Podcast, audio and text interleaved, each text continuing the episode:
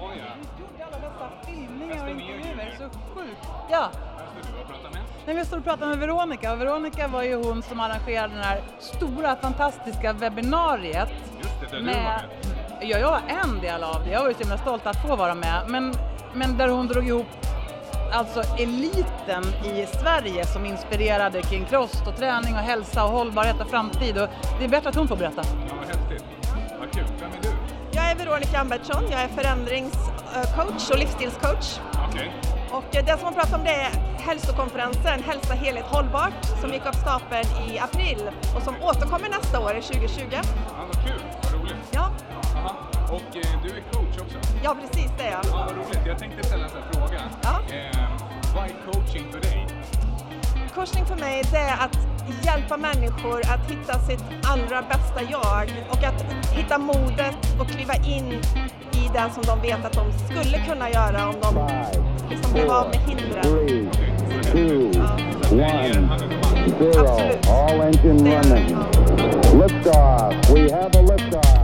Välkommen till Holistic-podden med Anna och Nicky. Podden som handlar om delarna som utgör helheten. I livet. Och allt. Mm. Vi sitter på ett tåg Mm. nu. Det kan vara För- lite bakgrundsljud. Ja, precis. Det får bli sånt bakgrundsljud för att vi har varit nere i Göteborg och vi har varit i själva kärnan till Mm. våran coaching... Eh, Ja, bakgrund. coachingbakgrund. Mm. En har del varit av det i alla nere på fortbildningsdagarna på Gotia Akademi Mm. i Göteborg. Ja. Och det var en snabb resa fram och tillbaks. Vi Ja. stack i svintidigt i fredags. ja, verkligen. Du gick upp klockan fyra, jag gick upp klockan halv fem. Mm. Ehm, och sen har vi varit där och sen så var det hela dagen, så var det hela kvällen och nu ska vi hem. Mm. Så därför sitter vi på ett tåg. Verkligen. Ja, Lite grann, det är lite lustigt att vi nu håller på att ta oss från ett ställe till ett annat. mm. Mm. på tal om coaching menar du då? Ja, men precis. Det är egentligen det det handlar om. Och det är det som begreppet också mm, eh, grundar sig i. Alltså begreppet coach kommer ju från eh, en liten stad i Ungern egentligen som heter Kock eller Cox eller Coach eller vad, hur man nu uttalar det. Och de hade som släpvagnar som drogs efter hästar. Och det blev coaches så småningom. Så att det är egentligen ett, ett eh, verktyg eller ett fordon som för en passagerare från punkt A till B. Mhm. Mm. Och då kan man ta en metafor till en person som väljer att anlita en coach. Mm. För att? För att eh, få en tydligare riktning, för att kunna få verktyg, för att kunna ta sig framåt på ett lättare sätt och för att hitta sin inneboende potential. Snyggt! Mm. Men du, Mm. ska vi prata lite grann om hur du har haft det i veckan? Ja, det tycker jag vi kan göra. Ja, jag har haft det superskojigt. Jag har eh, varit rätt upptagen i huvudet med massa planeringsarbete inför lite olika event som håller på att hända och sånt. Det där är ju så roligt för jag som känner dig ganska väl, Mm. jag märker när du har för mycket i huvudet. Eller det, det kan inte jag avgöra, men jag Jo, märker när du. har mycket i huvudet, så pass mycket så att du plötsligt börjar bli svår att få kontakt med. Ja, men det har varit lite så, men jag fattar, det är mycket. Ja, och du har visst en poäng i det för att du känner mig bättre än någon annan. Och Ja. därför så är det så att du kan avgöra om det är så att jag faktiskt inte är närvarande för tillfället och du märker av det. Det är lite gulligt på något sätt. Vi har levt ihop så himla länge. Man kan ana i alla fall. Man kan inte veta, men man kan ana. Mm? Det blir lite så här goddag yxskaft från din sida. Okej då. Mm, det är ju så. mm. Ja. Men det som var, det är mycket tanke kring det här med Gothia Akademin därför att alltid när vi tar oss an några uppdrag då vill ju vi göra det professionellt och bra och värdigt på något sätt. Mm. Och samma sak så var det ju nu att men nu skulle vi vara toastmasters, vi skulle hålla i middagen på, på Gothia Akademi. Det var ju 104 pers som skulle sitta där. Mm. Och då vill man ju göra någonting kul som ska vara minnesvärt. Vet jag- du, Anna Vilkas, Mm. eh, våran eh, guru och även Mm. bägge våra lärare nere på Gotia, sa en sak som var så himla bra. Jaha, Vet du vad hon sa? nej. Det är ju mycket roligare när det är kul. Ja, Så är det ju. Ja, så är det. Och det, grejen är med coaching, för att kunna vara en effektiv coach så måste du också ärligt och autentiskt kunna försätta dig i ett tillstånd av positiv livssyn. Det vill säga, det går inte att fejka att du liksom har en, en fram, framåtsyn som är positiv och så. För att kommer du till en coach som har en ganska negativ och pessimistisk livssyn, då blir det inte bra coaching. Nej. Mm. Så hur mer har din vecka varit då? Vill du berätta något mer om din vecka? Eller hur du har haft det på sistone? Eller hur du mår just nu? Eller? Ja, det är väl lite grann det som jag berättade om. Att det har varit lite fullt upp. Jag känner att jag inte har riktigt kunnat vara eh, närvarande i nuet. För att mina tankar har hela tiden legat framåt. Nej, men jag tänkte på en grej därför att Mm. igår blev det ju många samtal. Det är det Mm. som har präglat min vecka. Mm. Eh, och då hör man ju, då, dels så lyssnar man ju på alla andras spännande berättelser. Mm. Men sen så frågar ju de och så hör man sig själv formulera. Mm. Alltså ibland så får man frågor, jaha men eh, vad gör ni då? Eller hur jobbar ni då? Och så Ja. tänker man de där tankarna som man kanske inte har tänkt på att formulera. Mm. Och så märker jag i alla fall att jag famlar lite grann. Ja, hur då tänker du? Ja men vi har ägt ett stort eh, hälsocenter i 18 år. Mm. Men för ett år sedan så sålde vi det. Mm. Jaha, varför då då? Mm. Ja... Och så börjar man famla lite grann. Men det Mm. vet jag, rätt tidpunkt var kommen och eh, det var ett svårt beslut men det känns ändå som ett rätt beslut. Mm. Det jag skulle komma till var att just nu befinner vi oss i ett läge där vi egentligen säger ja till allting. Ja, precis. Det är ju egentligen inte så stor skillnad mot tidigare. Nej, men det är nytt. Ja. Därför att under 18 års tid så hinner man liksom eh, få grepp på ramar och arbetssätt och man hinner liksom förstå att ungefär så här jobbar vi. Mm. Men nu har vi sedan ett år tillbaks lagt om vårt jobb. Mm. Vi har färre anställda, Mm. det är bara vi. Mm. Och vi har mera tid till att utveckla nya tankar och idéer. Mm. Och det är det vi håller på med. Mm. Men det innebär ju också att just nu så droppar det in jättemycket roliga uppdrag. Jaha. Eh, Högt och lågt och vitt och brett. Ja, och där kommer jag ju på en sak till Ja. som har hänt i veckan. Ja. Det är ju så att jag har ju de senaste veckorna suttit med... Just dels det. har jag ju utformat eh, rekryteringsannonser för ett chefsjobb som ett företag har lyst ut. Och eh, sen tagit emot de här och mejlats med dem och pratat med dem. Och sen så har jag haft in- arbetsintervjuer med lite kandidater för de här chefsjobben. Och så sållat ut två stycken som vi sen gick vidare med. Och- det har ju varit skitkul rent ut sagt också. Mm. Och och det har ju också skett via en coachande process. Du gjorde ett otroligt bra jobb där helt enkelt därför att Ja. det här var ett problem som behövde lösas en Mm. lång tid tillbaks och du hanterade allt ifrån annonsering Mm. till intervjuer till färdig rekrytering och väldigt snygga samtal. Det är kul att få mejl som låter så här. Hej, jag vill bara tacka för samtalet som vi hade senast. Oavsett hur det går så vill jag bara säga att jag är tacksam för att jag fick en chans att prata med dig. Mm. Det är kul efter en arbetsintervju. Det, ja. Ja men verkligen. Mm. Ehm, så vi, är- där är vi just nu liksom. Mm. Att vi tackar ja till väldigt mycket. Vilket Mm. innebär att det blir eh, kul. Jag älskar när det är så här i rörelse. Mm. Jag gillar när det rör på sig, det händer grejer. Jag, jag älskar det. Mm. Så jag pratade med en tjej igår. Nej men nu kommer vi in på hur min vecka har varit. Hur har din vecka Hur har varit? min vecka varit? Ja. Eh, jo, för när jag tänkte efter då så slog det mig att min vecka har präglats av samtal. Det gör det ju ganska ofta. Mm. Men det är framträdande den här veckan. Jag har dels haft samtal med våran dotters skola. Mm. Och vi satt där i ett samtal. Vi var fyra tjejer, jag och min dotter och sen så var det två till. Och det slog mig vilket bra samtal vi har. Mm. Vi löser saker och ting och det var lugnt och det var väldigt så här skönt och bra samtal. Skönt att det var Mm, precis. Och sen efter det så har jag haft samtal med mina patienter och klienter och även skypat. Mm. Och där har det varit präglat av mod. Eh, framsteg, genombrott. Ja, men jag kan inte gå in så mycket på det men Nej, det förstås. det men om du- krävs ju oftast mod att komma vidare i livet och med sig själv. Eh, det är inte så lätt jämt att Nej. tänka de här nya tankarna eller våga titta på de där sakerna som skrämmer en mest av allt i livet. Nej. Men det är när man gör det som det verkligen kan hända nya grejer. Det kan lossna. Ja. Ja. Så det har varit eh, samtal, vi hade en, eh, fruk- ett frukostseminarium Mm. Med kapacitet. Ja, hur kunde jag glömma det? det, ju- Ja, men, ja, det skulle var- jag också ha berättat. Ja, Ja, men det var berätta fantastiskt. Ja. Det var ju i eh, torsdags som vi åkte in till Stockholm och så, så hade vi det här frukostseminariet och det kom det var en stor uppslutning. Mm. Jättefin frukost, det var en fin dag, utsikten var grym och vi tre som höll i det här, du och jag och Anna Färneman, Ja. var väl jättenöjda. Alltså verkligen, det var ju ett bra drag.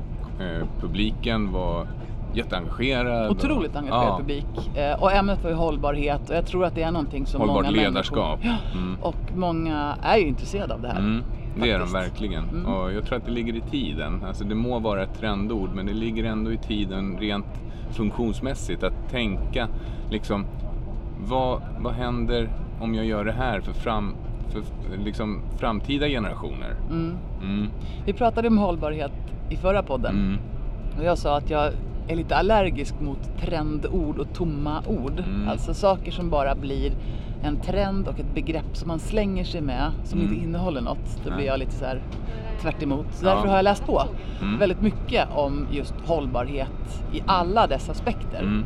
Och nu har jag inga som helst problem med ordet hållbarhet Nej, eller hållbarhet ledarskap. Tvärtom så Nej. känner jag att, ja men vad har vi för alternativ? Ja, men det känns jättebra. Det ska bli extremt kul att se, eh, träffa deltagarna som har anmält sig via kapacitet.se till kursen i hållbart ledarskap. För att det är ju så att de kommer få nycklarna. Vi kommer jobba med ett coachande förhållningssätt. Mm. Mycket liksom handgripliga saker som man faktiskt kan ta med sig för att kunna jobba vidare med sig själv och med andra. Ja, och sen igår så var det en del samtal också där Mm. vi, eh, bland annat så pratade jag med en tjej. Ja. Jag gillar ju att träffa människor där man liksom får en känsla av att den här personen är väldigt äkta och autentisk. Ja. Det är inte så lätt att vara det, det ska jag verkligen säga också. Men, men vissa människor har en förmåga att bara vara Mm. och det, det tilltalar mig väldigt Mm. mycket. Mm. Och den här tjejen pratade om att hon har valt att leva sitt liv med stark koppling till sin intuition Mm. och magkänsla. Mm. Och hon berättade att jag försökte under en lång period i mitt liv att bestämma hur det skulle gå och vad jag skulle göra och så vidare. Men det gick bara ett halvår och så hade det gått på ett helt annat sätt ändå. Mm. Och hon fick en så stark känsla av att det inte är meningen att man ska forcera utan jag vill lyssna på min känsla, min intuition och följa den Mm. helhjärtat. Och det hade hon verkligen gjort. Och hennes resa fram i livet var så fascinerande och inspirerande. Mm. Hur hon bland annat flera gånger hade kommit fram till det här läget i livet där man kanske har fått en jättefin tjänst eller position, jättemycket pengar eller chans på mycket pengar Mm. och ändå känt att nej, nu kliver jag av. Jag kliver av till ingenting därför att min magkänsla säger mig det. Det är modigt. Ja, det är så himla modigt och häftigt. Och en annan tanke som slog mig när jag hade jobbat en hel dag och haft många samtal Mm. och så får man den här lugna stunden på eftermiddagen, kvällen. Mm. Så tänkte jag, fasen, man föds, man är barn, man är fascinerad och nyfiken och storögd upplevde jag att jag var när jag var liten. Mm. Storögd inför det mesta som hände. Så här, Mm. Kan det vara Ehm, fortfarande. Det kan jag fortfarande vara. Mm. Men jag, jag undrade så här, när blir det en överenskommelse att livet går ut på att jaga pengar? När kommer vi överens om att så är det? Mm. För jag tycker att det är så många som fastnar i det där. Det sker nog ganska tidigt tänker jag. För att man börjar prata om pengar och varför det är så viktigt och det är värdefullt. Och man måste få ett jobb så man tjänar pengar så man kan leva. Mm. Fan, det är en ganska tråkig ingrediens. Ja, men Jag tycker det är som ett falskt lockbete. Jag Mm. jagar ju också pengar så jag ska ju Mm. inte sitta här och, Mm. eh, Och jag med. kasta sten i Absolut. glashus. Men det är ju för att jag vill kunna eh, resa och jag vill kunna... Mm. Alltså det är mer den här känslan av vad man kan göra för pengarna som man jagar. Mm. Och jag tror att alla förr eller senare i sitt liv kommer att komma till en insikt av att det var ju inte det det handlade om. Nej. Och jag hade önskat att jag la mer tid på det här Mm. som, som ligger mig varmt om hjärtat Mm. eller vad det nu kan vara. Det är lite gulligt på något sätt att det blir en byteshandel med de här pengarna då. För att kunna utbyta tjänster. Mm. Alltså det, är, det är ju det det handlar om fortfarande, men bara att man har smidiggjort det. Det hade varit så svårt liksom, ah, men du får hundra getter och så får, får du två stycken av de här fällarna från en tiger. För de har ju hittat, de är värda lika mycket. Jaha, fan, åh, vart ska, vart ska jag liksom, vart ska jag lagra de här hundra jätten här? Det blir jättejobb. alltså, det är ju ganska Ja. smidigt med pengar. Men intressant. Mm. Tänk vad spännande det har varit. Bara, Jaha, nu, nu råkar jag göra en deal med någon som eh, är bra på ost. Ja, så nu har Anna varit ute och shoppat igen. Ja, vi har ju redan ost. Ja, ja. Det, det var en utvikning. Men Mm. det var lite grann det som har hänt i min vecka. Jag tycker att det har varit eh, fullt ös den här veckan också. Mm. Jätteroliga och fina inslag. Och festen igår var ju bara guld. Ja, det, det Vi hade blev- sjukt ja, kul och det kändes som att alla hade sjukt kul. Det var så himla många härliga, roliga, bjussiga människor där. Alla dessa coacher då, som vi träffade. Mm. Ja, men det är också ett sånt där roligt uppdrag som man kan hoppa på. Som du började med att säga att vi har sagt ja till väldigt mycket. Mm, Det är en sån här grej. Jag var ju lite nervös för att åh, ska jag kunna hålla det här? Eh, det blev jättebra. Det blev jättebra Mm. och det var också väldigt kul. eh, Får vi passa på att lyfta ändå då, Gotia Akademi. Mm.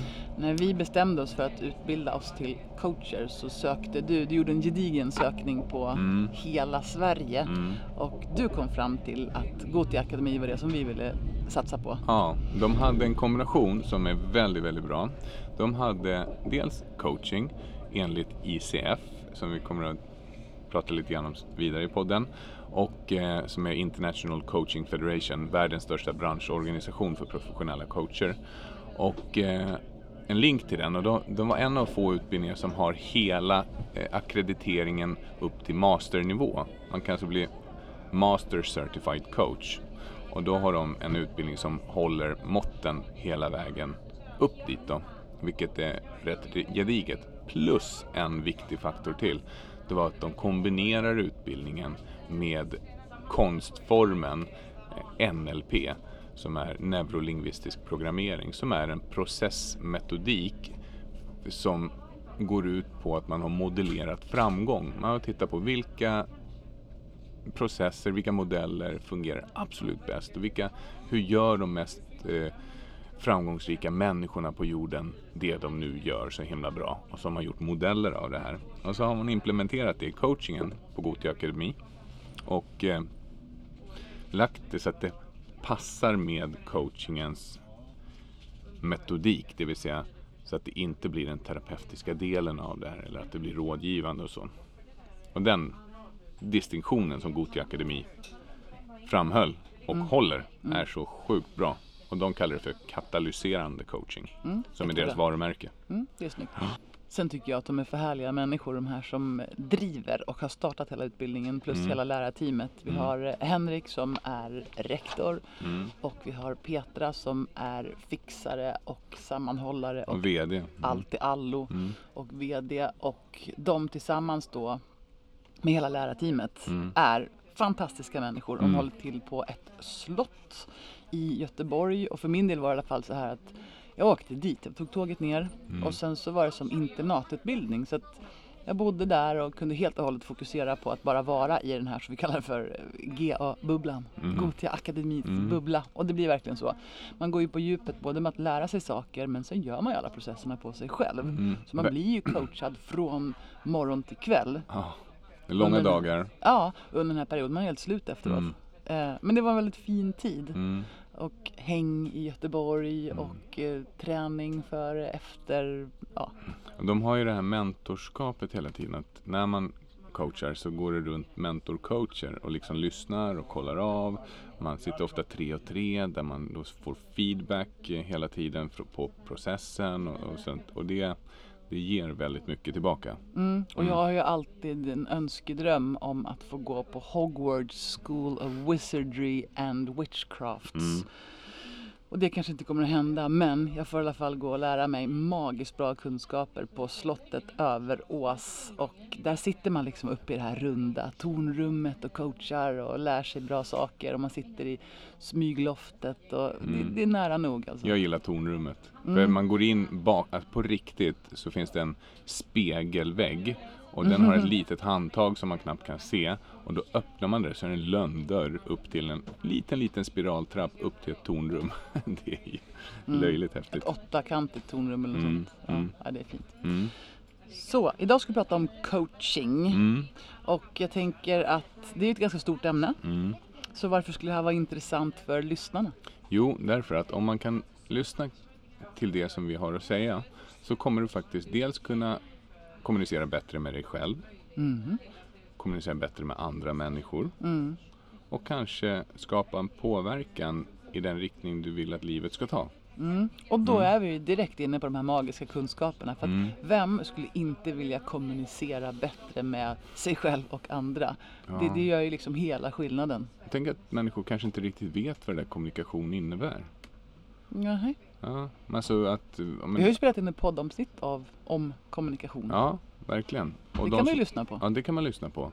Och, men att, att man kan då vara väldigt eh, smart i sin kommunikation. Mm. Coaching, handl- jag sa det igår på festen, så att jag har träffat många människor Mm. som säger så här att ah, men jag, jag tror att jag skulle kunna bli en väldigt bra coach för jag är jättebra på att prata med människor. Mm.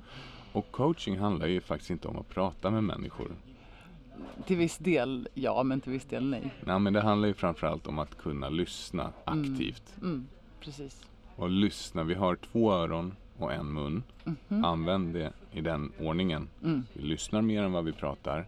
Självklart behöver vi prata, men när vi coacher pratar så ställer vi ofta kraftfulla frågor. Mm. Mm. Så Så vi, vi tänker att ämnet är coaching och vi tänker att det kan leda till att man blir bättre på att kommunicera med sig själv mm, och med andra. mm, Eh, och på så vis också kunna bättre då stötta och hjälpa både sig själv och andra. mm, att det blir smidigare Mm. i relationerna mellan människor. Då. Vad tror du man kan ta med sig härifrån när man har lyssnat på det här avsnittet? Hmm. Verktyg. Det hoppas jag verkligen. Mm. Man måste ju få en hum om vad det är och vad det inte är Mm. så att man vet vad man kan göra. Men jag Mm. tror att man kan börja använda ett coachande förhållningssätt när man har Mm. lyssnat på det här. Redan direkt efter. Mm, Mm. Faktiskt. Eh, och så hoppas jag att man får med sig en och annan aha-upplevelse. För det kommer vi att bjussa på. Och så skulle jag vilja att man får en insikt om hur coaching faktiskt fungerar i våran hjärna. Den tycker jag om. Och så nyfikenhet. Ja men nyfikenhet är ju liksom grunden till allt. Ja, men nyfikenhet på mera kanske. Mm.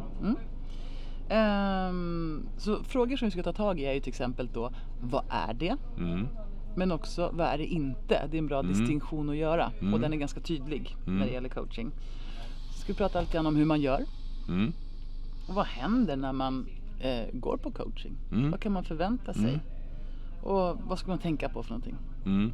Både i rollen som coachad Mm. och coach. Mm.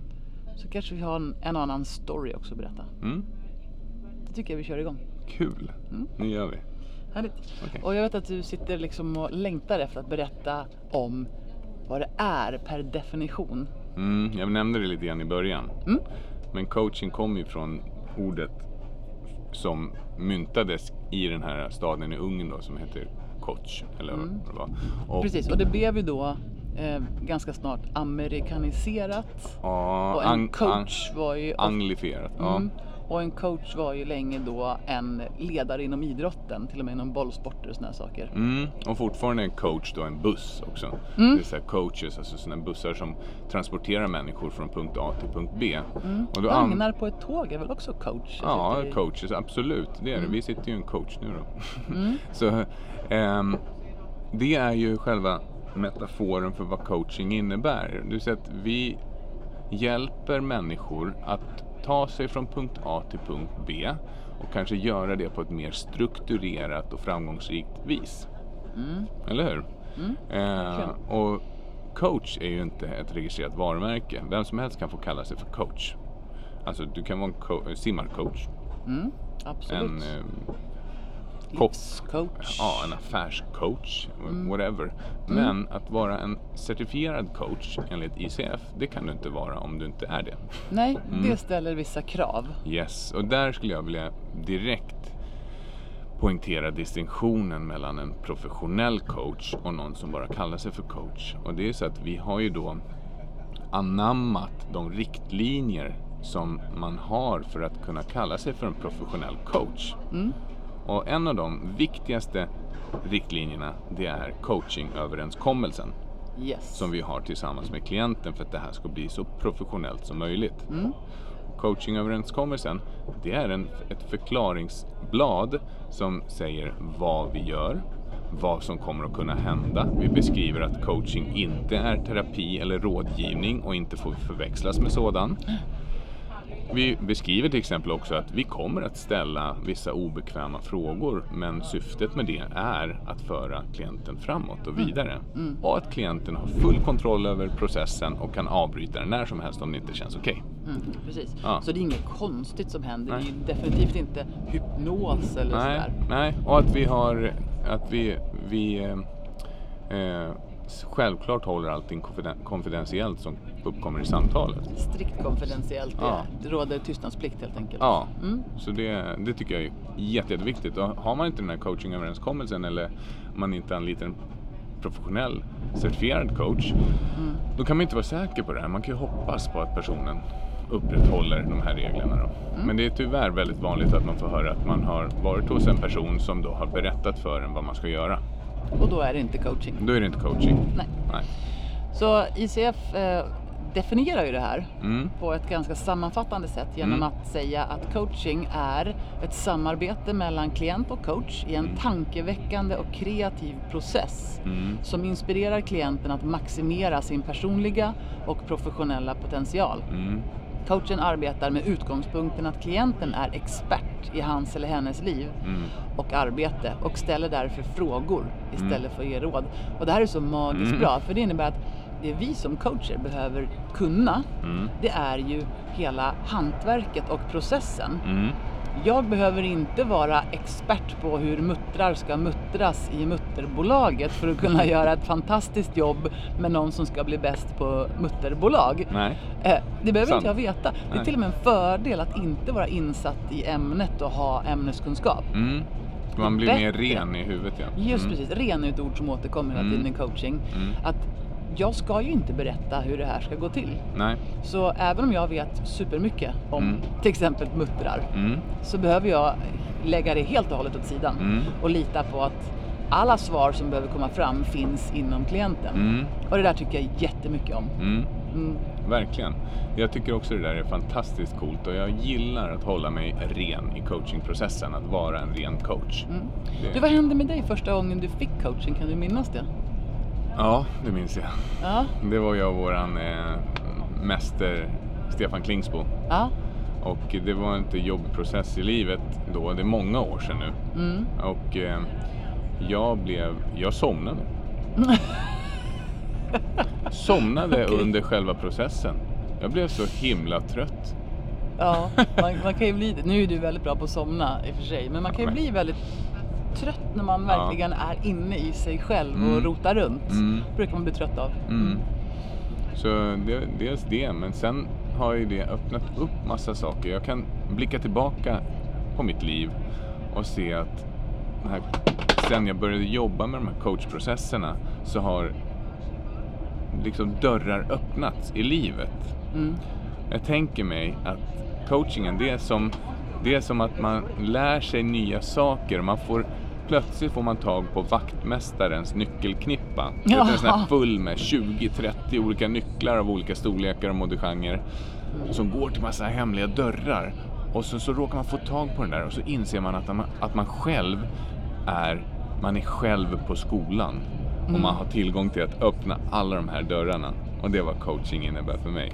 Ja, jag kan faktiskt hålla med. Mm.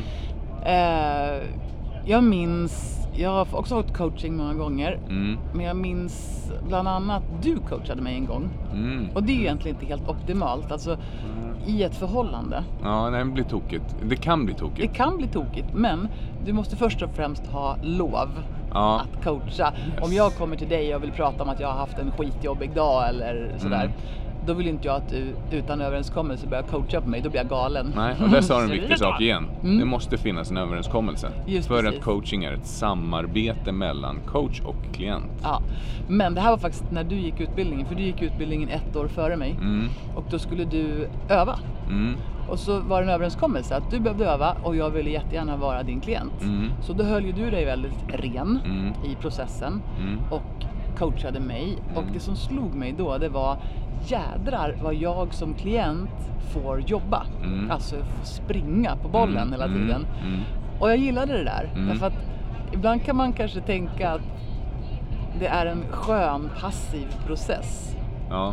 Men just den där gången så minns jag att jag fick jobba som tusan. Mm. Och då ger det ju verkligen någonting också. Man får tänka och man får leta efter nya tankar som man inte har tänkt förut. Man börjar liksom vända och vrida och man får fast en träningsverk i hjärnan känns det som. Så kändes det. Ja. Ja. Eh, det gillar jag. Ja. Det gillar jag. Därför att själva grejen med coaching är ju en, en av huvudsakerna i coaching är ju att ställa frågor som tvingar fram nya svar. Yes. Och de behöver inte ens vara bra, men att vi har ju den här tendensen då att tänka 95% samma som vi gjorde igår. Mm. Och det Mm. blir inte så nyskapande. Nej. Vi, vi har till och med en tendens att då fastna i samma gamla loopar och säga nej men det går inte, det går aldrig. Och, Mm. För vi ställer fel frågor till oss Mm. själva. Om vi ens ställer frågor. Exakt, vi, för, vi bara antar saker många gånger Mm. utan att en fråga ens är ställd. Och en intressant faktor i det här, det är då hur hjärnan reagerar på, på coaching. Det är så att om du pratar med en vanlig människa utan att ställa kraftfulla frågor utan bara ställer vanliga neutrala, vanliga frågor eller kanske till och med i värsta fall slutna frågor som man kan svara ja eller nej på. Då kommer det att aktivera området i din hjärna som kallas för det limbiska systemet. Det vill säga där dina vanemässiga mönster finns. Det, det tar kortaste vägen till minnesbanken och liksom svarar så som du alltid brukar göra. Mm. Men om du ställer en, en öppen fråga eller en coachande fråga som är liksom skarp och kraftfull. Typ eh, en enkel kraftfull fråga kan vara på vilka fler sätt skulle du kunna se på det här? Mm. Och då, då innebär det att aha, man förutsätter att det finns flera giltiga alternativ.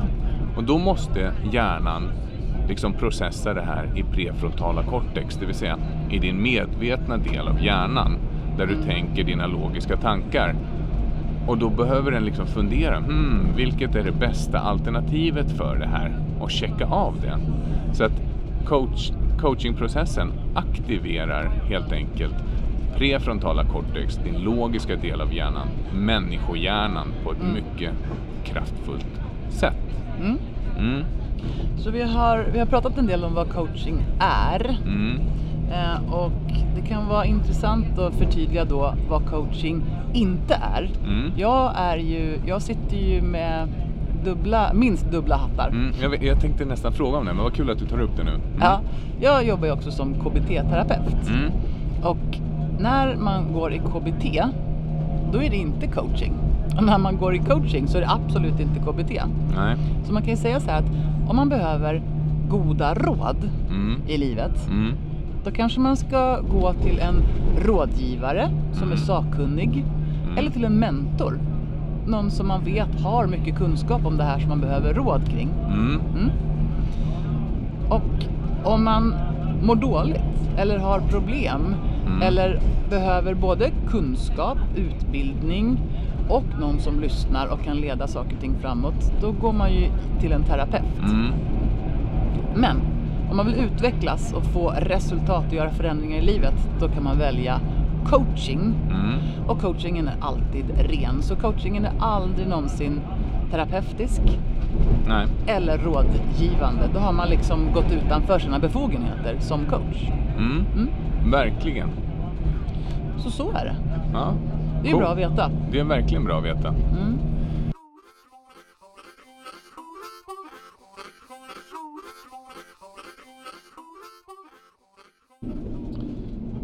Coach är engelska och betyder på svenska galavagn eller turistbuss. Ordet började användas under 1500-talet och beskrev något som fraktade människor från vart de var till dit de ville komma. Coach är med andra ord nu en metafor för något eller någon som fraktar människor till en önskad plats. Ordet började senare användas inom idrotten där coachen hade till uppgift att frakta idrottsutövare från en lägre till högre prestationsnivå. Det finns några utmärkande personer som är förgrundsgestalter inom coachingen och en av dem är Timothy Galloway som är en av de mest kända i världen. Trots att han inte använder ordet coaching så räknas han som coachingens fader.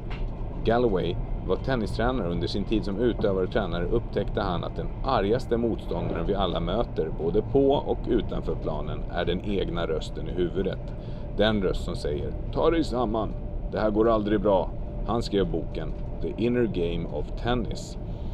Och tillsammans med en annan person som heter John Whitmore så kan man säga att de är liksom förgrundsgestalter. John Whitmore utvecklade en process som heter Grow-modellen tillsammans med tre stycken andra som har sin egen take på det här.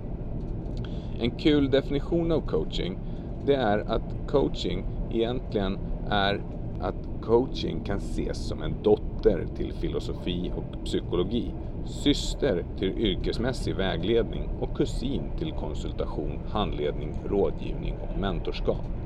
Föräldrarna filosofi och psykologi utvecklade verktyg som dotter och kusin har utvecklat vidare. Även om de flesta verktygen i princip kommer från samma verktygslåda. Därför liknar vägledning, coaching, psykologi och filosofi varandra.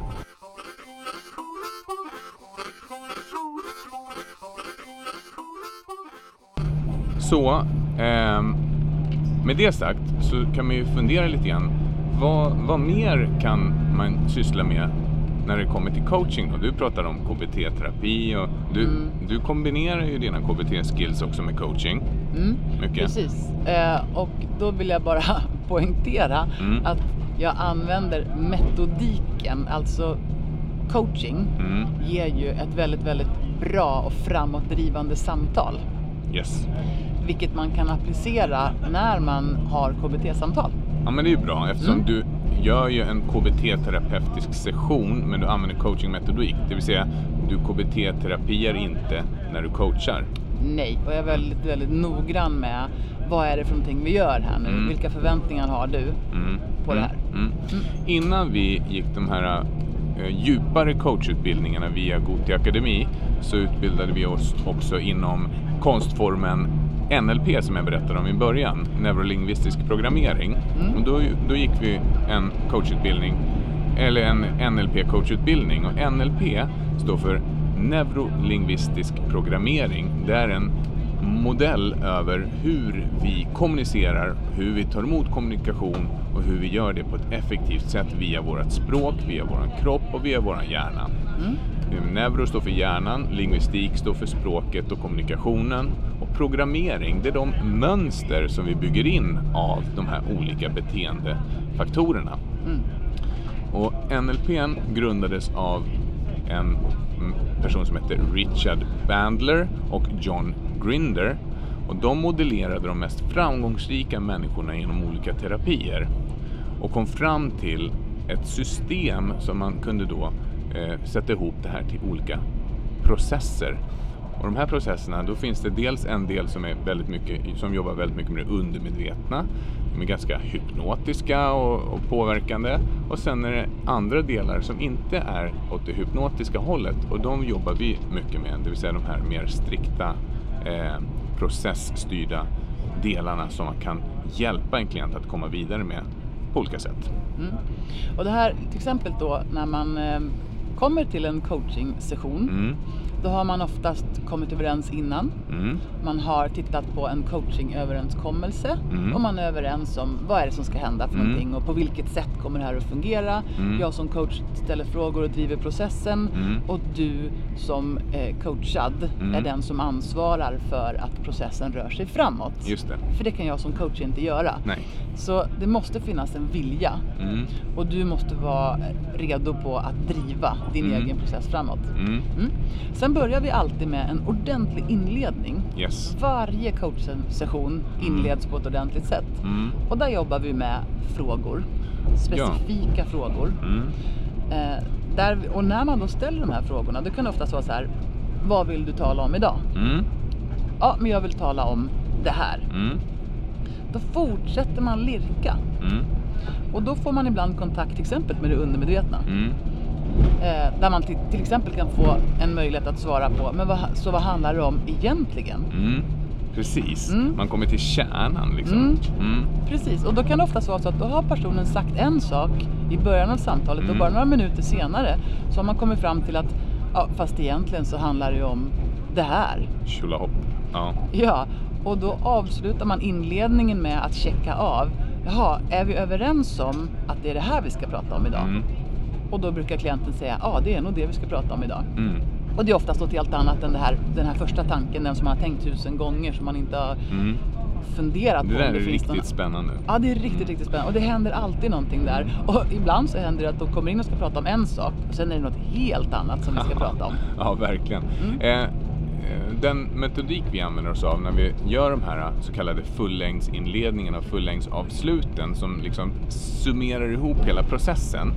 De grundar sig faktiskt på de 11 kärnkompetenser som ICF har utvecklat för att eh, göra en bra eh, coachingsession. För att de här 11 kärnkompetenserna borgar för att det blir ett riktigt, riktigt, riktigt bra eh, en riktigt bra upplevelse för både klienten och för, för coachen. Jag älskar när det finns ramar och strukturer. Ja. Därför att i och med att alla coacher i hela vårt land då Mm. är ju inte exakt samma människa. Nej. Och när man då kan enas om att men det här sluter vi oss till, då Yes. borgar ju det för en viss kvalitet. Ja. Vi ska inte gå in på alla specifikt, men det finns fyra stycken eh, grupper av de här kärnkompetenserna. Mm. Och grupp ett är att etablera grunden och det gör man alltid i början av sessionen. Sen så skapar man den ömsesidiga relationen, det vill säga att skapa tillit och närhet till klienten och att man har coaching-närvaro. Och den andra delen då, eller tredje delen är att kommunicera effektivt, till exempel aktivt lyssnande, kraftfulla frågor, direkt kommunikation. Så att man inte fastnar i att prata om de här sakerna som du redan har pratat med dig själv om i huvudet tusen gånger för då blir det inte ett givande Man, samtal. Exakt, man skalar av. Man bara tjo, tjo, Det är som ett lasersvärd som bara skär igenom på en gång. Rakt in i kärnan. Bah. Ja, och sen så eh, nummer fyra är att underlätta läranderesultat. Så att i slutet av en session så går man igenom och checkar av att man verkligen säkerställer klientens framgång. Det vill säga man skapar medvetenhet, man utformar handlingar, man planerar och sätter mål och hanterar framsteg och ansvarstagande. Och då gör vi en så kallad ekologicheck i slutet där man verkligen ser till att det här blev bra på riktigt. Mm. Och det här är ju då att gå från ord till handling. Mm. Därför att ibland så går man till exempel på en inspirationsföreläsning Mm. och det är i bästa fall då jätteinspirerande. Man blir inspirerad och man får skratta och det var roligt. Mm. Och sen så är det ofta storytelling. Mm. Eh, och sen när man går därifrån så känner man här, åh wow, det där var ju, åh vad jag känner mig Platt. inspirerad och glad. Ja, vad handlade den om då? Ja, men berätta om en sån himla rolig grej. Det var liksom, det var en hund där och sen så när de gick upp på ett berg. Ja, och, och sen fejdar det där ut. Mm. Men vad, vad handlar det om? Jag vet inte, men det, Ja, men det det, var det var roligt. Det var roligt. Det var roligt. Ja, nej, men nu raljerar vi lite Ja. grann. Men själva grejen är så att man kan sitta i fantastiska föreläsningar, situationer, samtal, bli glad, upplyft och inspirerad. Men det här Mm. sista steget, att committa till, men Mm. vad ska jag göra för att komma dit? Det tycker jag är unikt för coachingen. Att man liksom verkligen sätter en agenda och lovar sig själv att det här ska jag göra. Inom ämnet neuroleadership, alltså en, en del av, där man tittar på hur hjärnan fungerar i de här sammanhangen, så har man faktiskt sett en viktig faktor för lärande. Och vet du vad det är, Anna? Nej, berätta. Ja, det heter på engelska heter det insights, Mm. men alltså insikter. Det är att när hjärnan kommer till insikt, när du får en sån här känsla, aha, Mm. eller mhm, aha, när det känns så i hjärnan, då, då fyrar det av massa neuron som gör att hjärnan linkar ihop det här med någonting viktigt, så att den liksom trycker in det där i minnesbanken. Nya vägar Mm. skapas i hjärnan. Yes, och det är inte ha eller ho alltså som en inspirationsföreläsning kanske gör. Eh, för att inspiration, det är jättebra, men insikt är kungligt. Ja, det är magi. Ja, Och att så, få vara med när den här insikten inträffar, det är ju varför Mm. man älskar det här jobbet. ja, men till exempel på Anna Vilkas föredrag, då var det så här många insikter. Aha, Mm. wow, det har jag inte tänkt på förut. Då blir det så här som att Det där var ju viktigt på riktigt. Nu fick jag rys på armarna. Mm. Det får alltid när någonting är viktigt på riktigt. Eh, så det är väl skillnaden. Distinktionen av coaching handlar om att ge insikter, skapa insikt och medvetenhet. Mm. Mm. Får jag berätta en egen story då? Nej, jo det Tack. klart. Ja. Mm. Det var ju så här att när jag gick min utbildning 2016, Mm. det var också samma år som, vi hade, som jag hade fått det infallet att anmäla oss till Ironman. Mm. Mm. En sedan länge gammal dröm och plötsligt så gick jag till handling med att anmäla oss i alla fall och sen Mm. fick jag ångest. Mm. Och då, då övar man ju väldigt mycket på varandra och då Ja. gjorde vi en övning, eh, då ska man ju coacha på varandra. Mm. Och då var jag i en grupp där jag blev coachad av en tjej som heter Malin som gick i min klass. En Mm. otroligt kompetent, duktig tjej, Malin Boström heter hon. Och Name dropping. ja, självklart. Mm. Och hon eh, hjälpte mig. Jag, men, jag minns inte hur frågeställningen var men någonting med att mitt mål Mm. var ju att få stå på stranden i Alcudia på Mm. Mallorca, sträcka händerna upp mot himmelen och säga till mig själv You are an Ironman. Mm. Det var målbilden Mm. och den, var, den sög mig in och få känna att min familj är där, jag klarade det, fy fasen vilken känsla i livet. Mm. Vad fick du då?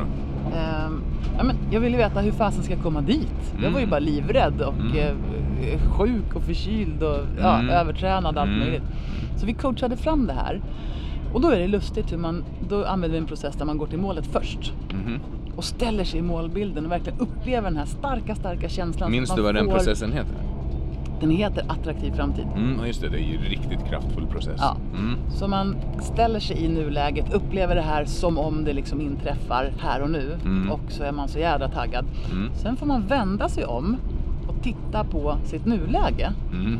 Och så ställer coachen en fråga. Och vilka steg tog du för att komma hit? Mm. Vad gjorde du liksom näst närmast målet? Mm. Och om man då törs lyssna på sin intuition, då dyker det upp saker. Ja men det här var ett viktigt steg. Ja. Okej, och när i tiden ligger det? Ja, men det här ligger i augusti för målet är i september. Mm. Okej. Ja. Och då dök det ju upp att jag ska åka till Lappland Mm. och jag ska göra en fulldistans triathlon i Gällivare. Det är viktigt. Mm. Och då dök det upp och då committade jag till mig själv att det här ska jag göra. Jag ska, det, det första steget var att jag ska gå ner på stan, jag ska köpa en anteckningsbok. I den ska jag skriva ner den här planen och Mm. sen ska jag åka till Lappland och göra det här. Mm. Häftigt. Och när man då i en process har lovat sig själv och dessutom lite grann då, då inför en coach. Mm. Så har man sagt det här, då kan man inte bara så här, äh. Utan då blev det ett måste att nu ska jag ner på stan och köpa den här blommiga anteckningsboken och sen ska jag Mm. skriva ner det här. Mm. Ja, och sen spolar vi framåt så hände ju alla de där sakerna. Ja. Och det var väldigt häftigt att få göra processen, ge mig själv löftet, följa planen och se hur allting liksom föll på plats. Men det är ju det att hjärnan gillar ju struktur och ordning. Mm. Och i och med att du satte strukturen då genom att skriva ner allt det här och göra den här planen Mm. så kunde ju hjärnan då sätta, sätta liksom planen i verket. För Mm. Då har du ställt in kompassen. Och jag fick ett lugn i Mm. att ja, det är så här det ska gå till. Mm. Så det jag ställer mig själv frågan ofta är ju så här, varför gör jag inte det här oftare? Varför gör jag inte det här oftare? Ja. I stort och i smått. Det är otroligt roligt att processa sig fram till nya lösningar som man kanske inte ens hade en aning om att man skulle testa. Ja, sant. Vet du? Eh, nu blir det mycket Anna Vilkas här, men det var många insikter som kom. Hon är ju grym. Ja, hon, hon, hon är Master Certified Coach och eh, det var ju de flesta där som var där. Så eh, det hon sa, hon sa att man- en liknelse med ett företag, det är att om man har en treårsplan så kan man inte hela tiden lägga fokus på det här framtida målet om tre år, för det har ännu inte hänt. Liksom. Det är för abstrakt. Det kan vara visionen, liksom, det som man strävar efter. Det kan vara den yttre, yttersta målbilden. Men om man tänker på Volvo Ocean Race som är ett segellopp där man liksom seglar under flera månaders tid och man besöker 11 stycken olika hamnar på vägen. Mm. Så är det så att de kan ju inte planera, de måste planera den här ena rutten fram till första hamnen. Då kan de se att ja, men idag kommer det blåsa på det här sättet och om en vecka så kanske vädret kommer kunna vara på det här viset. Men man vet inte hur det kommer se ut om tre år. Det är omöjligt. Därför är det här med att målsätta med delmål och försöka liksom vara närvarande i nuet samtidigt otroligt viktigt för att få den här processen att verkligen hända på rätt sätt. Man tar ut en riktning Mm. men man är flexibel i steg för steg. Mm. Mm. Och just metaforer, att prata i metaforer både med sig själv och med andra gör att lärandet blir djupare därför att hjärnan tänker i bilder och metaforer. Man sätter ihop en större betydelse. Eh, man kan säga nästan vad som helst. Ja, men, eh, när du eh, pratar om ditt företag då får du mig direkt att tänka på en kakelugn. Och då kan man liksom spåna vidare ur det på tusen olika, olika riktningar. Liksom. Mm. Absolut. Så nu har vi pratat en del om coaching, eh, vad det är, Mm. vad det inte är. Vi har pratat lite grann om ICF och om definitionerna av professionell Mm. coaching. Vi har Mm. pratat om katalyserande coaching som Mm. är då coaching som verkligen driver processen framåt och ser till att Mm.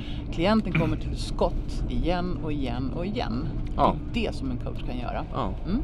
Så, och vi jobbar ju med att coacha både privatpersoner Mm. Jag jobbar både på Skype, det gör du också, Ja. och i liksom riktiga möten antingen hos oss eller ute på stan. Det spelar ingen Mm. roll, det är flexibelt. Ja.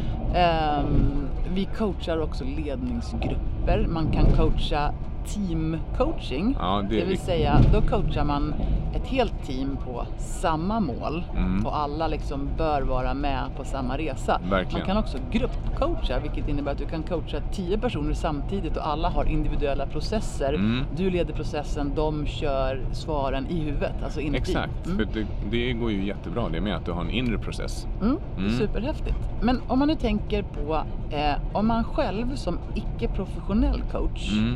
Vill börja anta en mer, ett mer coachande förhållningssätt. Mm. Oavsett om det är på sin arbetsplats eller Mm. om det är hemma eller om det är med sig själv. För det funkar också väldigt bra. Mm. Att du har en mer coachande stil. Mm. Då behöver man hjälp av sina sex bästa vänner skulle jag säga. Mm. Mm. Bettan och Buttan och Kikki och Bettan och Lotta och nej. Nej, inte de. De Nej. är inte riktiga vänner. Utan dina riktiga vänner, det är ju när, var, vem, var, hur och varför. Aha. Du Ställa med? öppna frågor. Ja, fråga när då? Vad? På vilket sätt? Hur, men, eh, hur menar du? Eh, vilka fler alternativ finns det? Och så vidare. Mm. Att använda öppna frågor. Därför att det gör ju då att du medvetandegör eh, ämnet för din hjärna så att du hamnar i medveten närvaro istället för i reflexhjärnan. Just precis. Och det här är något man får träna på mycket under utbildningen. Mm. Att ställa öppna frågor. Och då blir man också medveten om hur sjukt svårt det är att komma ihåg att ställa öppna Mm. frågor. En icke öppen fråga, det är en fråga som man kan besvara med ja eller Mm. nej. Och möjligheterna vidare är ju ganska lite då. Man kan göra så Kan du göra någonting åt det här? ja, Nej. Eller om jag frågar så här. Mm. Mår du bra idag? Ja. Hopp. Eller så säger jag så här. Hur mår du idag? Bra. Ja. Ja, jag fattar. Ja, men man kan, och sen så kan man fortsätta vidare ur det. Mm. Ja, på vilket sätt eh, mår Ja. du bra till Ja, exempel? precis. Eller vad har du upplevt idag? Ja. Mm. Mm. Det, det ställer krav på hjärnan att tänka till och tänka efter. Mm. Ehm, Så öppna frågor är en Mm. bra sak att börja träna på för att få ett bättre svar. Mm. Det här med coaching är också så här att de allra flesta människor, och jag i ett extremfall, Mm. Gillar att skapa sina egna lösningar. Du är också ett extremfall. Gud vad du vill skapa dina egna lösningar. Vi är bägge Ja. två så att vi gillar ju inte att någon säger gör så här, ställ inga frågor, bara håll tyst och gör. Ja, alltså om du kan knyta utveckling eller eh, det du ska göra till det som är viktigt på riktigt, det vill säga dina egna grundvärderingar. Om du lyckas få fatt på klientens grundvärderingar kring ämnet som ni pratar om Mm. och sen lyckas knyta processen och utvecklingen och stegen för att komma till det här målet till de grundvärderingarna. Då Mm. kommer ju klienten vilja göra det för då är det viktigt på riktigt. Mm. Ja, och om man dessutom har kommit på lösningen själv, då säger jag, ja men det här är jag kommit på själv, då vill man ju verkligen göra det. Mm. Mm. Så om man till exempel är en ledare på ett företag Mm. och man tänker att man vill jobba lite mer med att Eh, alltså mindre med att ge direktiv. För Mm. det som ofta händer på arbetsplatser det är ju det här att chefen Mm. har sjukt mycket att göra Mm. och säger jag har inte tid att Mm. hålla på och tala om för alla Mm. de anställda vad de ska göra. Mm. Så chefen är tok eh, busy Ja. och de anställda känner sig understimulerade Mm. och de upplever en otydlighet.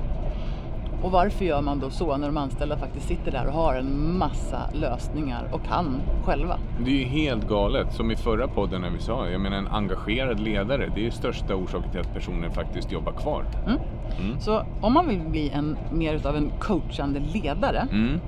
Då finns det några förutsättningar och det är ju då att man litar på att medarbetaren vill att Mm. någonting ska bli annorlunda eller drivas framåt Mm. eller lösas. Eh, att medarbetaren kan fatta egna beslut i frågan.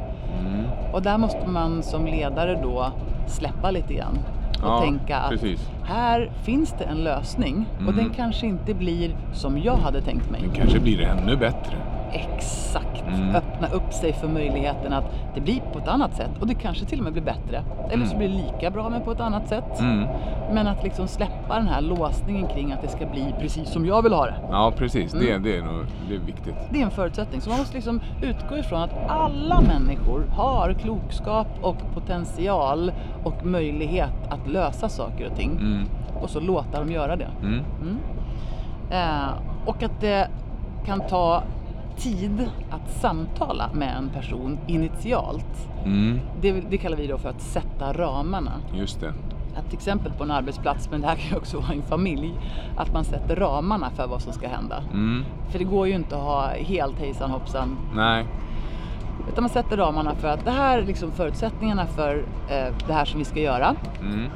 Lös det. Mm. Vad har du för alternativ? Mm. Vad har du för förslag? Mm. Väldigt bra. Och då kan man få en massa svar Ja.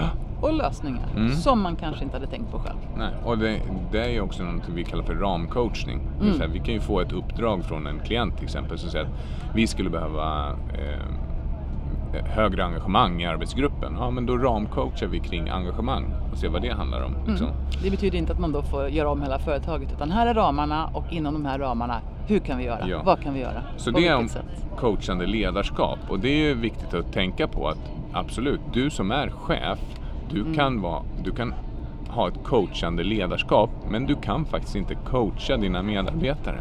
Det är viktigt att tänka på. Det är därför det är så viktigt att anlita en duktig coach för ditt företag som kan hålla i processen. Därför att man tänker Mm. efter. Människor kanske har sin egen agenda. Det, det blir ett asymmetriskt förhållning, eller förhållande. Det vill säga relationen är asymmetrisk. Du är alltid personens chef och den andra är alltid eh, chefens anställda då, eller under, vad säger man, eh, underställda. Mm. Och det gör att det blir tokigt för att om du ska vara coach då kan inte du vara, sek, du kan inte vara ren i processen. Men om man går in som coach själv, professionell coach i ett företag, du har ju ingen relation till dem på det sättet. Då kan du vara ren i processen och faktiskt få de resultat som coaching ger. Sen kan man faktiskt coacha sig själv. Mm. Och jag pratade med en tjej häromdagen, och det här är ett superkort enkelt exempel. Mm. Eh, en tjej som gärna ville gå loss och bli egen företagare. Mm. Men talade om för sig själv varje dag, men det går aldrig. Mm. Alltså med mina förutsättningar och barn och familj och lönekrav, det går Mm. aldrig. Mm. Och en dag så ändrade hon på det där och började ställa sig själv frågan, på vilket sätt ska jag få det här att fungera så att det blir riktigt bra? Wow. Och från den dagen som hon bytte ett påstående till en fråga så tog det mindre än ett halvår. Jag tror hon sa att det tog två månader. Så hade hon genomfört det. Ja. Därför att hjärnan börjar plötsligt då inte ta ett konstaterande utan börjar leta efter lösningar. Mm. På vilket sätt skulle det här gå? Ja, det skulle ju kanske kunna gå på det här sättet och det här sättet och det här sättet. Mm. Ja, Så det är hur frågor kan fungera i... i, i så det är ju ibland så löjligt enkelt som Mm. att tala med sig själv som om det var möjligt. Alltså ställ smarta frågor därför att hjärnan är trots allt eh, som en dator som Mm. du matar in programmeringar i. Och Mm. matar du in en programmering som säger det här går aldrig. Nej, det kan till och med hända att hjärnan då börjar leta på orsaker till varför det inte går. Mm. Nej, det har du rätt i för du har ju tre barn. Ja, och du är ju Och du måste puckad. ju, Ja. ja, men, det, det kan ju dyka upp massa saker. Mm. Medan om du ger ett bättre kommando. Mm. På vilket sätt skulle det här kunna gå? Mm. På vilket sätt skulle jag kunna göra det här och må bra under tiden? Mm. Alltså det gäller att ställa riktigt bra frågor så kommer du få bättre svar. Mm. Och det är ju det som är kraftfulla frågor. Just precis. Problemlösarfrågan nummer ett gillar jag. Vad är Mm. det som är helt fantastiskt med det här problemet? Mm, exakt. Ja, det är ingenting. Men vad skulle kunna vara fantastiskt med det här problemet? Mm. Och då kan man liksom ställa in hjärnan på att faktiskt hitta de positiva intentionerna bakom beteendet eller händelsen. En magisk fråga som jag har fått många gånger som har Mm. låst upp mina lås det är det här Måste man verkligen det? För jag antar att jag har ganska många måsten. Mm. Så det var någon gång Jag vet inte om jag berätta om det här. Mm.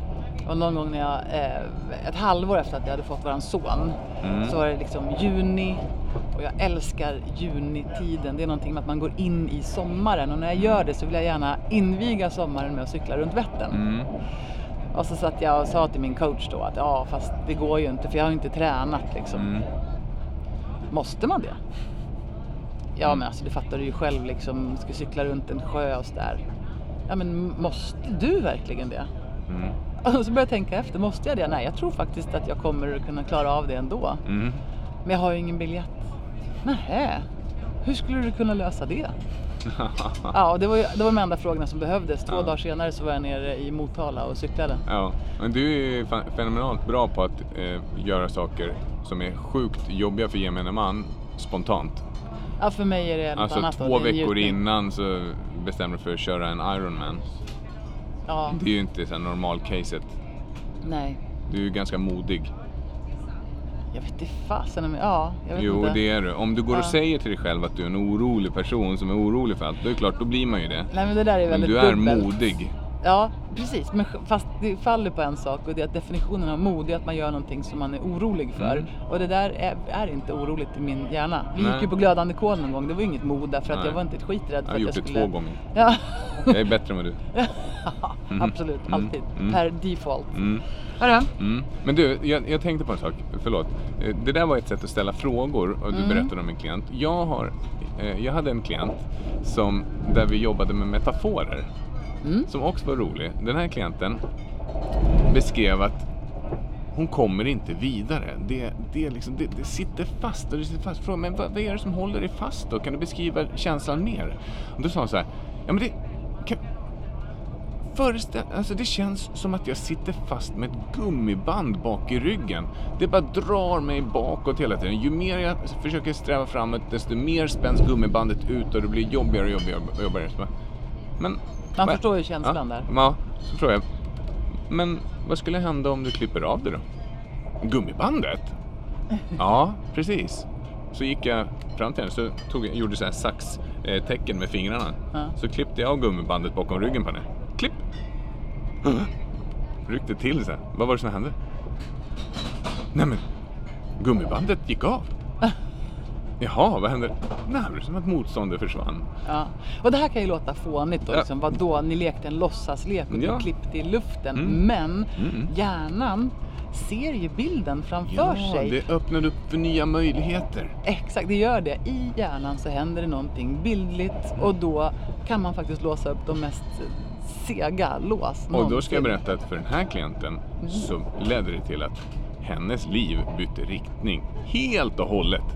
Det var det är magiskt. Alltså det skedde över en natt så skedde det så sjukt mycket saker. Mm. Och har man inte testat det här själv, det kanske låter svårt att tro på, men det är ju så här vår hjärna fungerar. Det är Ja. inga konstigheter. Hjärnan jobbar med bilder, vi behöver ställa nya frågor för att få nya tankar Mm. och när vi gör det, då är det mesta möjligt. Mm. Så jag älskar coaching. Jag Jag älskar med. att coacha och jag älskar att bli coachad. Jag tycker det är supereffektivt.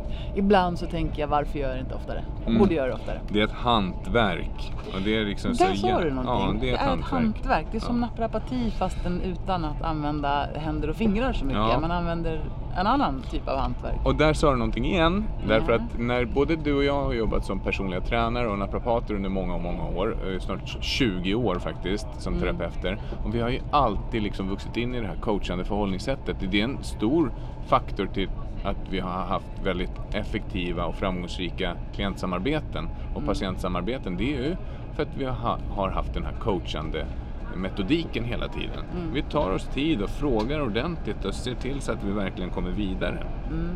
Så eh, oavsett om man är intresserad av att bli en fullfjädrad professionell coach på heltid, Mm.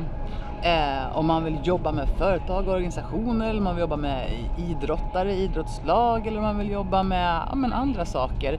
Eller om man kanske mer vill bli en hobbycoachare. Mm. En sån som coachar ibland eller som vid svåra situationer kan ha ett effektivt eh, verktyg att ta till. Mm. Så tycker man att det här låter fantastiskt då finns det ju bra utbildningar Mm. att ta till. Och där kan ju vi rekommendera Gotia till exempel. Men jag vet att det finns väldigt många bra utbildningar i Sverige. Verkligen, verkligen. Mm. Gotia Och Akademi, utomlands. gotiaakademi.se kan man annars titta på. Det är Göteborg, det finns jättebra boenden runt omkring och sånt som man kan bo på. Som är jättefina. Mm. Nu nu har vi pratat länge och väl om coaching och eh, jag hoppas att det var givande oavsett om man är en privatperson eller i en coachande situation eller i en Mm. ledande situation. Mm. Eh, Det är ett sätt att kunna skapa magi. Yes. Mm. Mm. Så vi ville prata om coaching. Mm. Tycker att vi har gjort det. Det har vi verkligen gjort. Mm. Mm. Och ehm, vad, vad är liksom det övergripande målet för oss med det här samtalet? Att eh, skapa insikt Mm. och eh, ge folk små verktyg Mm. för att kunna komma vidare i sitt liv. Mm. Mm. Så en, del, en liten så här prova på-grej som ett delmål efter det här samtalet om man tänker ja, jag skulle nog kunna tjäna på att bli mer coachande i mitt förhållningssätt. Mm. Vad skulle man kunna göra då? Jag tycker start, stopp, fortsätt är en bra grej. Mhm, mhm. Enkel process, det vill säga som definierar ett mål och eh, som sätter igång tankenötterna. Så vad skulle du kunna starta med för att ta dig närmare ditt mål? På För att bli mer coachande alltså? Ja, eller nej men om du, har, ett- du sätter upp ett mål, en vision eller ett mål av någonting, någonting du vill åstadkomma. Och så ställer du själv frågan, vad skulle jag kunna starta med just nu för att, som skulle hjälpa mig att komma närmare mitt mål på ett enkelt sätt. Och sen så när man har definierat det så kan man säga, okej, så vad skulle jag kunna fortsätta göra som jag redan nu gör som skulle kunna ta mig närmare mitt mål på ett bättre sätt? Och sen så, vad skulle jag kunna stoppa? Vad kan jag sluta göra som när jag slutar göra det här kommer föra mig närmare mitt mål på ett bättre och effektivare sätt? Det är, en, det är ett sätt till exempel. Och jag var ute och for lite grann efter om man vill bli mer coachande i sitt förhållningssätt. Vad Mhm. kan man då göra? Och där nämnde ju du de här äh, bästa kompisarna. Ja, just det. En grej som man skulle kunna göra Mm. För att bli mer coachande, Mm. det är ju liksom att för det första då sluta leverera lösningar till andra människor. ja, just det. Det, det kan vara en jättebra sak att, och Alltså- det ligger ju så nära till. Att man vill, Mansplaining och killgissning. ja, den kan man ju stoppa i fickan en stund om Mm. man känner att man vill prova något nytt. Mm. Eh, så sluta leverera lösningar. Sluta eh, leverera eh, dömande kommentarer om liksom, det här var bra, det här var dåligt, det här var rätt, det här var fel. Mm. Och istället försök nosa på den här öppenheten för att jag kanske inte vet. Ja. Jag Och- kanske faktiskt inte vet bäst om allt, men den här människan framför mig kanske har någonting spännande. Och vad behöver jag i så fall ställa för frågor för att det här skulle kunna komma fram? Mm. Och då är ju de här då, vad, hur, varför, på vilket sätt, när? Mm. Mm. Jättebra saker. Och, eh, så det är lite grann en trestegsraket. Liksom. Ja, och Sluta ge råd och tips och dömanden och sen så börja ställa bättre frågor. Ja, och anamma ett aktivt lyssnande. Superviktigt. Mm. Det vill säga, om du... Det här är ett tips till alla som lever i en relation med en annan människa. Om du märker att när din partner pratar med dig och så sitter du i andra tankar eller sitter och funderar ut ett svar eller sitter och liksom tar minnen ur ditt eget liv. Ja, just det, det där hände mig också. Så, så kanske du beskriver det. Ja, men det där som du beskriver nu, det, ja, det hände mig en gång också. Då är du på lyssnarnivå ett. Det blir liksom, det blir inget kul att prata med en sån som hela tiden pratar om sig själv. Eh, Jo men vänta nu måste jag bara säga en sak. Det kan Mhm. visst vara kul. jo, men det, alltså jag måste säga det är lite det. small talk är det ju. Ja men det är ju mysigt ibland att Jo, vara på lyssnarnivå 1. Du vet såhär, jag var på husvagnssemester. Nej men gud vad kul, det var jag också. Ah, Absolut, roligt. men inte om du ska ha ett coachande förhållningssätt. Nej, exakt. Mm. Det är en Mm. annan sak. Mm. Mm. Lyssna nivå två, då är du liksom intresserad på riktigt. Du blir indragen i klientens liksom berättelse eller den som du sitter och pratar med. Du lyssnar med alla sinnen. Liksom. Eh, du har två öron och en mun och använder dem på det sättet på riktigt. Och lyssna nivå tre, det är global, globalt lyssnande, det vill säga där du verkligen sätter dig in i personen. Du är helt och hållet uppslukad. Det är ingenting som finns mer. Du, det, finns, det är bortom tid och rum liksom. Du är ett med klienten. Och det här hamnar man i som coach. Det vill säga när man coachar rent, då är man där med klienten. Man kan verkligen sätta sig in i personens eh, berättelse. Och då blir resultatet fantastiskt.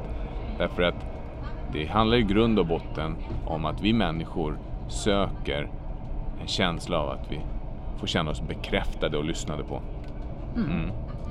Och där i lyssnarnivå 3 då kanske man också lägger märke till det som sägs mellan raderna, det som händer i rummet. Mm. Bortanför liksom. Mm.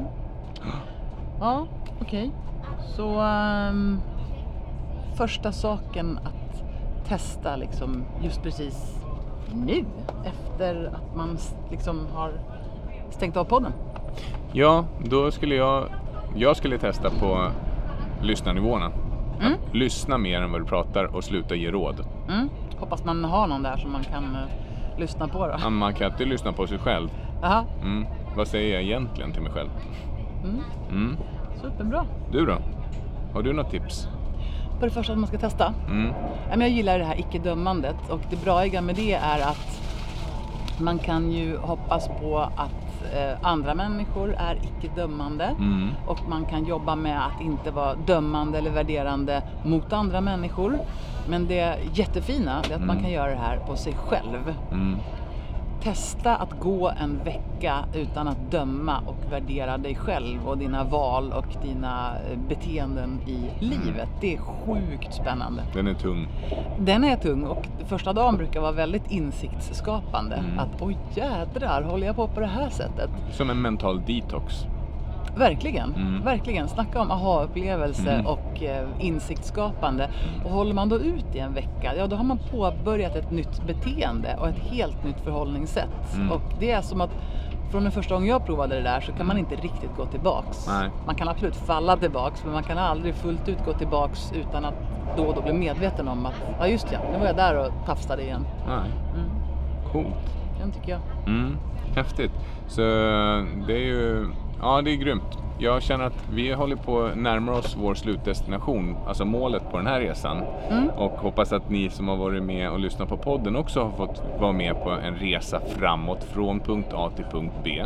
Mm. Delmålen som vi har varit emellan det är ju Skövde och Herrljunga och så vidare och snart kommer vi till Södertälje. Eh, och sen kommer vi till nästa delmål, stora delmål som är Stockholms central innan vi åker vidare till Knivsta. Och det får väl vara en metafor för coaching, eller hur? Det kan det vara. Du Mm. är ju Milton-mästare. Mm, Så om Mm. det är det för dig, då är det säkert så. mm, så är det. Så jag tycker vi signar ut och lovar att prata mer om coaching framöver. Mm, det Eller kommer tillbaka för det är ett sånt otroligt viktigt tema och eh, där vi kanske kommer att kunna prata vidare om våran holistiska coaching, hur vi jobbar med coaching ur ett holistiskt perspektiv. Mm.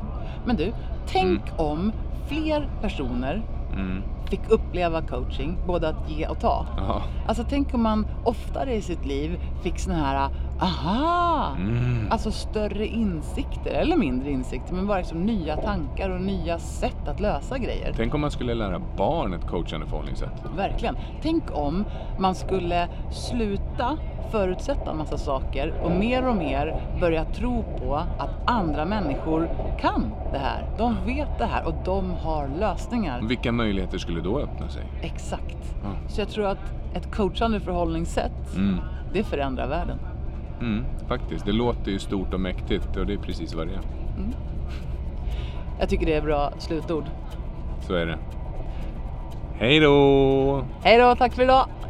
Och vill ni veta mer om oss så kan ni som vanligt gå in på www.formholistic.com men ni kan också följa oss mer än gärna på Instagram och Facebook och då söker ni på Formholistic och ni kan också joina oss på LinkedIn på Formholistic Leadership. Det vore jättekul om ni följer oss för att det betyder massor för oss att höra vad ni tycker och vad ni tänker och att vi ser att ni finns. Skriv gärna fina betyg och recensioner på iTunes och eh, ja, bara allmänt hör av er om ni tycker att det finns något intressant att fråga oss om. Kom gärna med förslag på ämnen som du vill veta mer om också.